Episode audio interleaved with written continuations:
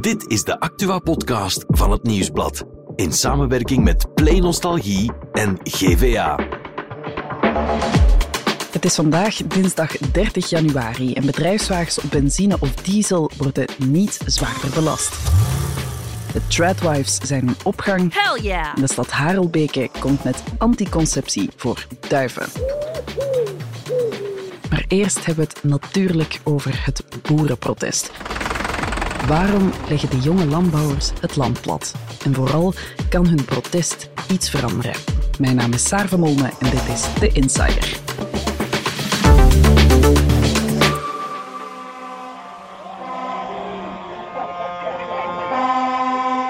Ik niet alleen voor de podcast van het Nieuwsblad, maar ik lees ook het nieuws op de radio bij Play Nostalgie. En de verkeersupdate van vanmorgen die was wel heel opvallend.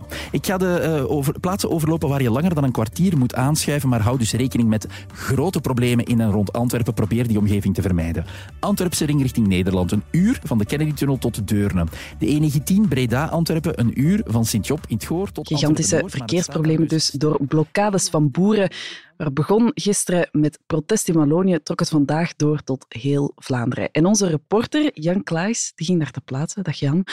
Jij bent daar geweest gistermorgen? Ja, vreemd, vreemd genoeg ben ik er vlot geraakt. Ben, uh, mijn Waze heeft me door Wallonië gestuurd. Dus ik ben zonder problemen in Halle geraakt, wat een beetje het centrum was uh, van het protest gisteren. Ja, hoe was het daar? Uh, het um, begin oogde niet fraai. Ik uh, reed van de snelweg en het eerste wat ik zag was bergen kersttomaatjes. Wat bleek, uh, boze boeren hadden s'nachts de weg naar het uh, hoofdkwartier van Colruyt mm -hmm.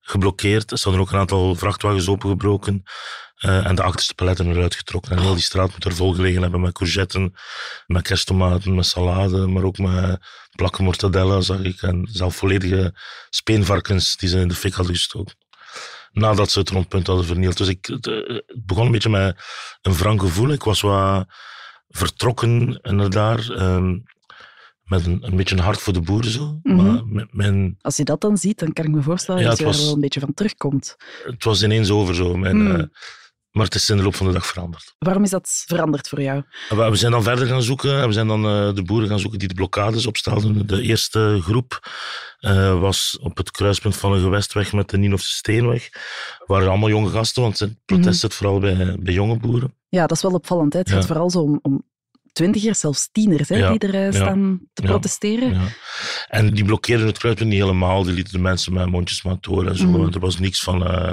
dus mijn hart voor de boeren is daar stilletjes aan uh, teruggekeerd.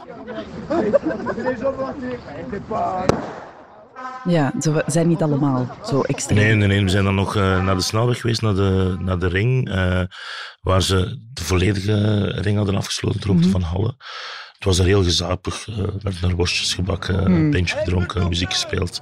Ze sliepen daar. Ze hadden een, een beestenkarre mee waar stro in lag. Uh, ze sliepen daar? Ja, ze hebben daar slaapkamers gemaakt, want ze gaan daar misschien nog eventjes blijven. Mm -hmm. Ik denk tot, uh, tot de top misschien van mm. donderdag. Ja, daar gaan we het straks nog over hebben. Ja, wat zijn dan vooral hun bekommernissen? Want je hebt met die jonge boeren gesproken. Waar, waar praten ze over? Ja, er is niet één reden om, uh, nee. om te protesteren. Het is een, het is een kluwen, soort, hè? Ja, het is een soort algemeen ongenoegen. Dat zijn mensen van, waarmee ik heb gesproken, gasten van 22, 23, 24 jaar, zowel jonge mannen als jonge vrouwen. Die zijn geboren op de boerderij, die van kinds af aan hebben die daar hebben, die, hebben die gewerkt. Die, die kennen niets anders. Hun hart klopt voor het veld, voor de beesten. Maar die, ja, die hebben, vandaag hebben die schrik. Schrik? Ja, ze weten niet, gaan ze hun job nog kunnen blijven doen? Kunnen ze ooit het bedrijf van mama en papa overnemen? Of mm -hmm. gaat dat veel te duur worden, omdat er grote bedrijven uh, kaper op de kust zijn? Ze hebben schrik van buitenlandse concurrentie, want die, die, to die vernielde tomaatjes en courgetten en zo, die kwamen van, uh, uit Spanje en Italië. Ah ja, oké, okay. het zijn niet hun eigen um, oogsten die nee, ze daar en, en je, ziet dan, je ziet dan die jonge boeren die zeggen, ja, we snappen dat er import is, en we snappen dat er concurrentie is, maar we snappen niet dat er oneerlijke concurrentie is. Mm -hmm. Want hier is de landbouw aan heel veel strenge regels uh, onderworpen. Mm -hmm. In veel buitenlanden is dat, is dat minder, waardoor dat die aan goedkopere prijzen kunnen werken. Ja, dat was maandagochtend. Toen leek het vooral een protest in Wallonië te zijn, maar het heeft zich echt verspreid naar Vlaanderen. Hè. Vanmorgen is het dan helemaal ontploft op de Vlaamse wegen. Alles stond muurvast. We hoorden daar net al de bekommernissen uh, bij Jan Klaes. Maar het is meer dan dat. Hè. Er wordt geprotesteerd tegen het stikstofdossier, tegen Europa. Eerlijk, ik ben niet meer mee. Daarom heb ik uh, Pieter Lessaffer, onze politiek expert, er even bijgehaald. Dag Pieter. Dag Saar. Dit is meer dan het stikstofdossier alleen. Hè. Wat is hier aan de hand? Ja, het is een protest dat als een lopend vuurtje door Europa is gegaan. En wat eigenlijk in, uh, in Frankrijk en Duitsland is begonnen. Mhm. Tegen maatregelen daar. En vooral toegespitst op een aantal steunmaatregelen. In Frankrijk wilde de regering de diesel voor landbouwvoertuigen zwaardere heffingen op uh, invoeren. In Duitsland ging het over btw-verlaging voor de boeren, die werd uh, teruggeschroefd. en ook rond die diesel. En dat protest uh, is overgewaaid naar hier. En Mhm. ja, het ongenoegen dat er al langer was, onder andere rond dat stikstofdossier, en zeker ook rond heel de prijzenproblematiek waar Jan er net naar verwees. De mensen kregen heel lage prijzen voor hun producten.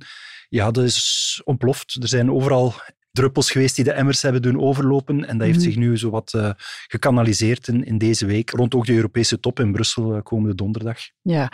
ja, het zijn heel veel verschillende dingen bij elkaar. Voor uh, de gewone man die daar totaal niet mee bezig is, kan je dat eens concreet maken? Wat zijn zo de concrete problemen voor die boeren? Ja, dus je hebt een aantal nationale issues. Wat ik daarnet zei, in Frankrijk en Duitsland en Vlaanderen is dat heel duidelijk de stikstofproblematiek, waar Mhm. er nu sinds vorige week een, een decreet rond is. Maar het is natuurlijk veel meer. Het is ook de Europese landbouwpolitiek. Vroeger kregen de boeren heel veel Europese subsidies als een soort buffer tegen weersomstandigheden, tegen ja. de marktschommelingen. Dat subsidiebeleid is, is heel voorwaardelijk geworden. Dus Europa geeft nog altijd heel veel subsidies, zo'n 50, 60 miljard euro per jaar. Dat is nog altijd heel veel geld. Ja. Maar koppelt daar heel veel voorwaarden ook aan. Mm -hmm. uh, de en wat boeren... zijn dan zo van die, van die voorwaarden waar dat boeren aan moeten voldoen? Ja, bijvoorbeeld is er nu een plan dat ze een stuk van hun grond moeten laten 4% laten braak liggen om de, de grond gezonder te houden. Uh, maar die tot, natuurlijk tot minder opbrengst leidt.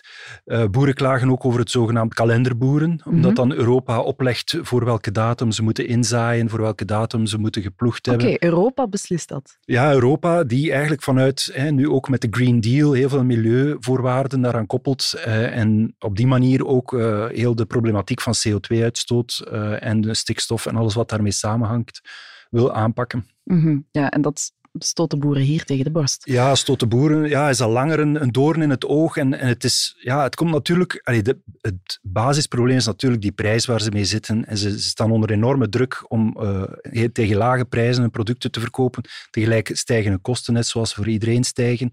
En dan komt heel die Europese problematiek erbij. Er zijn nog wel een aantal andere dossiers, onder andere uh, dat men vreest dat er... Er zijn onderhandelingen bezig met Zuid-Amerikaanse landen om Mhm. bijvoorbeeld Argentijns vlees in te voeren. Maar dat ja, heeft andere regels, dat is goedkoper, dus ze vrezen oneerlijke concurrentie. Er is ook het dossier van Oekraïne. Oekraïne heeft bij het uitbreken van de oorlog, hebben die van de Europese Unie de uh, garantie gekregen dat ze hun landbouwproducten mogen uitvoeren naar Europa tegen dezelfde voorwaarden als binnen de Europese Mhm. Unie, dus zonder belemmeringen. Maar natuurlijk, al die regeltjes waar onze boeren over klagen, moeten ze niet aan voldoen. Dus onder andere de eieren en pluimvee komt hier op de markt vanuit Oekraïne, maar die boeren vinden dat oneerlijke concurrentie. Is dat dan vooral het probleem dat ze ja, een beetje moeten opboksen tegen die, die internationale concurrentie, de concurrentie van buiten Europa, waar dat zij als ja, toch een beetje kleine speler in zijn? Is dat het probleem? Ja, kleine speler, maar vooral ook dat zij vinden dat, dat de regels voor hen te streng zijn tegenover Ja. het buitenland. Bijvoorbeeld heb je heel die Amerikaanse landbouwmarkt, die uh, bijvoorbeeld rond veel uh, soepeler is wat betreft genetisch gemanipuleerde gewassen. Ja. Je zit met heel die Chinese markt, de hele wereld waar ze moeten tegen concurreren, waar er veel lagere lonen zijn en veel minder regels. Dus zij vragen van Europa, bescherm ons. Maar ja, dat houdt dan ook risico's in. Want die zitten met protectionisme. En als je natuurlijk met protectionisme begint, gaan die andere delen van de wereld ook. Protectionisme, misschien moeten we Ja. dat even kaderen, dat is een moeilijk woord. Hè? Ja, dus dat je handelsbarrières Ja. opwerpt en dat je zegt van die producten komen hier niet zomaar binnen. En we gaan die zwaar belasten of we gaan bepaalde voorwaarden opleggen. Maar als je dat gaat doen, dreig je in een soort handelsoorlog tussen aanhalingstekens te komen, in een eh, concurrentie tussen economieën, waarbij je bijvoorbeeld zegt, eh, als Europa zegt, ja, dat Argentijns vlees, eh, dat willen wij niet, eh, daar gaan wij allerhande voorwaarden en heffingen aan koppelen, dat dan de Argentijnse regering zegt, ja, maar dan gaan wij hetzelfde doen met uw Mercedes'en of uw BMW's vanuit Europa. Hè, Die gaan we dat dan je ook dat soort, binnennemen, ja. dat je dat soort opbod krijgt. Ja, wat ik wel opvallend vond, er werd geprotesteerd aan de distributiecentra van de Colruyt, van de Aldi. Waarom doen ze dat? Ja, die landbouwers zitten natuurlijk helemaal onderaan in de keten, als ik het zo mag zeggen. Dus die hebben heel weinig eh, impact of macht om een prijs te bepalen. En heel die prijzenpolitiek is helemaal in het voordeel van de supermarkten. Die zijn enorm dominant in heel die Mhm. markt.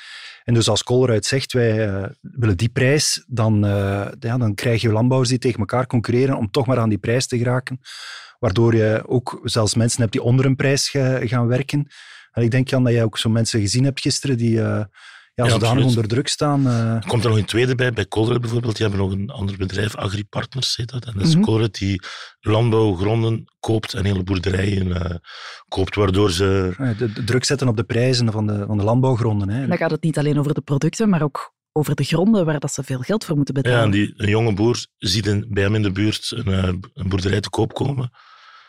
Ja, Colruyt schudt eens aan de zakken en er valt een paar miljoen uit. Maar, eh, dus het wordt heel moeilijk voor jonge mensen om nog een boerderij te kopen. om daar tegenop te kunnen. Ligt het probleem dan niet voor een stuk bij de consument ook? Ehm, betalen wij niet gewoon te weinig voor ons vlees of voor onze groenten? Absoluut. Ehm, ja, eh, maar ja, dan zit je natuurlijk met die concurrentie tussen de supermarkten, die natuurlijk hè, de consumenten willen verleiden met lage prijzen. En bovendien, allee, ik vind dat persoonlijk een, een probleem dat daar zo massaal boontjes uit Kenia en eh, courgetten uit eh, Marokko en mais uit Senegal wordt ingevoerd. Ja, aan de ene kant snap ik, hè, de wereld is, is één dorp en eh, iedereen moet eh, kunnen kansen krijgen om te eten wat hij wil. Mhm. Maar kunnen we daar misschien toch niet iets, iets aan doen? Maar ook, ook hier, hè. En, eh, gisteren vertelde een, een jonge boerin mij dat ze werkt op een eh, melkveebedrijf. En vandaag is de prijs voor melk die de boerderij verlaat 35 cent. Mhm. Vandaag is de prijs voor een fles Campina, dat is wel een aanmerk, in de, in de Colruyt, om het goedkoopste te noemen, 1,88. Oké. Ja. Dan ligt het niet alleen aan het feit dat wij te weinig zouden betalen, maar ook gewoon, Misschien Feit dat betalen wij te weinig, maar misschien krijgt de boer ook eh, te ook weinig. gewoon veel te weinig. Ik heb gisteren vond dat interessant, hoorde ik het verhaal van een boer, eh, dus terug naar die 35 cent voor een Mhm. liter melk. Om een liter melk te produceren, eet een koe 18 cent voeding. Mhm. Het afschrijven van de stal is ongeveer 15 cent per liter. Dus hebben ze al verlies. ja, Ja. ze hebben ze al verlies eigenlijk. Ja, als je dan verlies leidt op al die producten, is het dan nog wel waard om boer te blijven of boer te worden in ons land? Ja, goede vraag. Je ziet ook dat er steeds minder landbouwers zijn. Tegelijk zie je een enorme schaalvergroting, omdat dat natuurlijk in grotere groepen dan toch wel iets rendabeler wordt. Ja, wat, wat ik persoonlijk wel een spijtige evolutie vind, omdat je dan echt met, met mastodonten zit, echt die agro-industrie, zoals ze die noemen. Nu, tegelijk zit je ook met de discussie...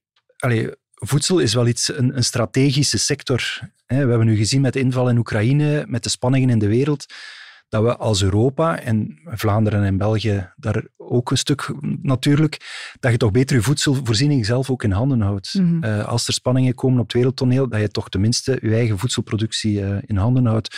Dus in die zin snap ik ook de subsidiepolitiek en in die zin snap ik ook dat we daar toch blijven wel inspanningen voor doen om, om, die, eh, om die productie rendabel te houden. Ja, en zien de boeren het zelf nog zitten, Jan?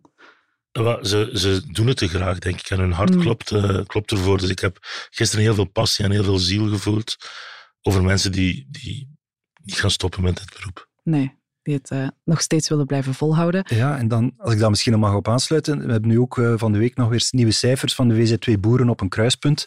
Dus de VZ2 die, zich, die opgericht is specifiek rond mentale problemen van, van landbouwers. En dat is, dat is eigenlijk enorm, omdat je dan met heel veel opgekropte hè, boeren zijn, het is een cliché, maar die, dat zijn geen praters, dat zijn doeners. En die kroppen hun problemen op en die, niet alleen de financiële verliezen, maar ook de mentale verliezen, die, eh, die stapelen zich op. En allee, bijvoorbeeld in West-Vlaanderen, de zelfmoorden onder landbouwers is wel een, een heel eh, serieuze problematiek. Ehm, dus het, het is met die passie en ze botsen dan vanuit die passie op die, op die muren van, van, het, van het financiële en van de markten en de marktrealiteit. Mhm. Ja, en dan krijg je natuurlijk ook die problemen. Wat moet er nu concreet gebeuren om die landbouwers tevreden te stellen? Ja, ik ben heel benieuwd hoe die protesten gaan uitdraaien, want eh, eigenlijk is er geen pasklaar antwoord, want er zijn ook geen pasklare vragen. Nu, ik vermoed dat het allemaal donderdag rond die Europese top zich wel zal culmineren. Er zijn wel wat dingen aangekondigd, onder andere Macron die een delegatie zou ontvangen. Uh, en ook bijvoorbeeld uh, commissievoorzitter Ursula von der Leyen heeft een soort strategische dialoog met de landbouwers opgestart voor het toekomstig landbouwbeleid. Maar dat is dan allemaal meer lange termijn.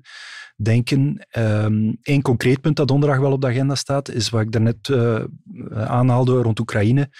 Uh, omdat het steunpakket aan Oekraïne staat op de agenda van de Europese top. En dus mogelijk ook die, het uitdoven of het afschaffen van die oneerlijke concurrentie tussen aanhalingstekens, zoals de, de landbouwers uh, hier zeggen. Ja, het zijn allemaal dingen op lange termijn, maar... Uh... Ja, eerder wel. Dus ik weet niet goed waarmee ze te, tevreden zullen zijn of wat genoeg mm. zal zijn om die protesten te stoppen. En ik denk sowieso, dat zal dan misschien nu tijdelijk stoppen, maar dat gaat toch blijven borrelen en blijven, blijven terugkomen, denk ik, die frustraties. Daar zullen we nog uh, even op moeten wachten. Dankjewel Pieter, dankjewel Jan om hier te zijn. Alsjeblieft. En voor het andere nieuws is Bert erbij komen zitten. Dag Bert. Dag Saar. Er komt geen belastingsverhoging voor bedrijfswagens die rijden op benzine of diesel. Wat is daarvan aan? Dat heeft de federale regering vandaag beslist. Eigenlijk is zo, er was discussie of die belasting moesten opgetrokken worden voor ja, meer vervuilende wagens. Want je mm -hmm. weet, ja, auto's worden over het algemeen energievriendelijker. Ja. Maar dus die, dat oudere wagenpark, dat stoot nog altijd veel CO2 uit. En de vraag was, moeten die taxen nu nog omhoog de komende jaren voor benzinewagens en diesels of niet? Ja. En het antwoord is geworden nee. Oké, okay. en wat staat daar dan tegenover? Want er waren groene partijen die daar het niet helemaal mee eens waren. Ja, inderdaad. Groen en Ecolo waren het daar zeker niet mee eens. Die wouden daar een strijdpunt van maken. Nu, wat staat daar tegenover? Ja, dat andere zaken worden gestimuleerd. Een fietsvergoeding wordt opgetrokken. En ook de treinabonnementen worden niet duurder. Dus dat zorgt ervoor dat mensen meer gestimuleerd worden om dat toch dat milieuvriendelijker transport te gebruiken. Toch meer mijn fietsje pakken als ik naar het werk ga. Ja, inderdaad. En de Treadwives, die worden populairder. Hell yeah! We hebben er hier daarnet een boeiende Kleine- discussie over gehad in de studio. Ja. Ja, ja, ja. Mhm. Had jij de term al gehoord eigenlijk? Ik had hem eigenlijk nog niet gehoord. Ik kende het fenomeen wel, maar ik wist niet dat dat Treadwife. Ja, ja, blijkbaar is het een hashtag die zeer populair aan het worden is. We hebben er vandaag een stuk over in de krant en in onze app. Mhm. En het gaat over eigenlijk het traditionele beeld, Treadwife, van de Mhm. vrouw. En ja, dat zijn eigenlijk vrouwen die zeggen, wij willen een beetje terug naar de jaren 50, toen de man ging gaan werken en geld Hmm. verdiende en wij kookten, cake bakten en wollen truien breiden of zo. Ik weet niet, wat deden ze dan allemaal? Ja, geen eh, idee. Ja, het zou niets voor mij zijn, want ik kan niet koken Nee? en nog breien. Ah, Dus het zou wel helemaal niks voor mij zijn. Maar ja, waarom promoten ze dat dan? Ja, zo? dat is een beetje een tegenbeweging tegen eh, de emancipatie van de vrouw, die natuurlijk de voorbije decennia ehm, volop tot ontwikkeling is gekomen. Er zijn vrouwen die zeggen, ja, je moet niet per se hyper geëmancipeerd zijn, of, zo heet dat dan ook in het Engels, een girlboss eh, zijn. Dat hoeft allemaal niet. Nooit gedacht dat ik jou dat woord ooit ging horen zeggen. Ik ook niet. Ik heb het ook maar gelezen, Saar. Ja, dat Mhm. dacht ik al. Maar Ja. goed. En dan gaan we over naar de regio. Want waarom in godsnaam komt Harelbeke met anticonceptie voor duiven? Ja, er zijn te veel duiven in Harelbeke. Oké. Ja, en ze willen die duivenpopulatie onder controle houden. En dat gaan ze doen met maiskorrels. Maiskorrels. En hoe gaat het dan in zijn werk? Wel, ze gaan aan de leien in Harelbeke gaan ze een voederbak zetten. Mhm. En daar zitten maiskorrels in. Maar op die korrels hangt eigenlijk een laagje Mhm. eh, met R12. R12. R12, ja. R12 is een product dat ervoor zorgt dat duiven minder eieren leggen en ook dat eh, ze minder bevruchte eieren zullen leggen. En dus eigenlijk is dat een beetje de pil voor duiven. Nou ja, hopen dat de hond dat dan niet opeet. Ja, dat dacht ik ook. Was er nu een hond of een andere vogel dat opeet? Maar Ja. blijkbaar is dat geen gevaar voor mens Ah, of ja. milieu en zijn het toch vooral de duiven dat dat opeten. Trouwens, een beproefd eh, concept, want in Brussel, Hasselt, Kortrijk en veel steden eh, werken ze er al mee Ah, en het marcheert. Oké, heel goed. Laten we hopen dat, eh, dat het de duiven een beetje kalm houdt dan binnenkort. Dankjewel Bert. Dan zijn we er morgen weer met een nieuwe Insider.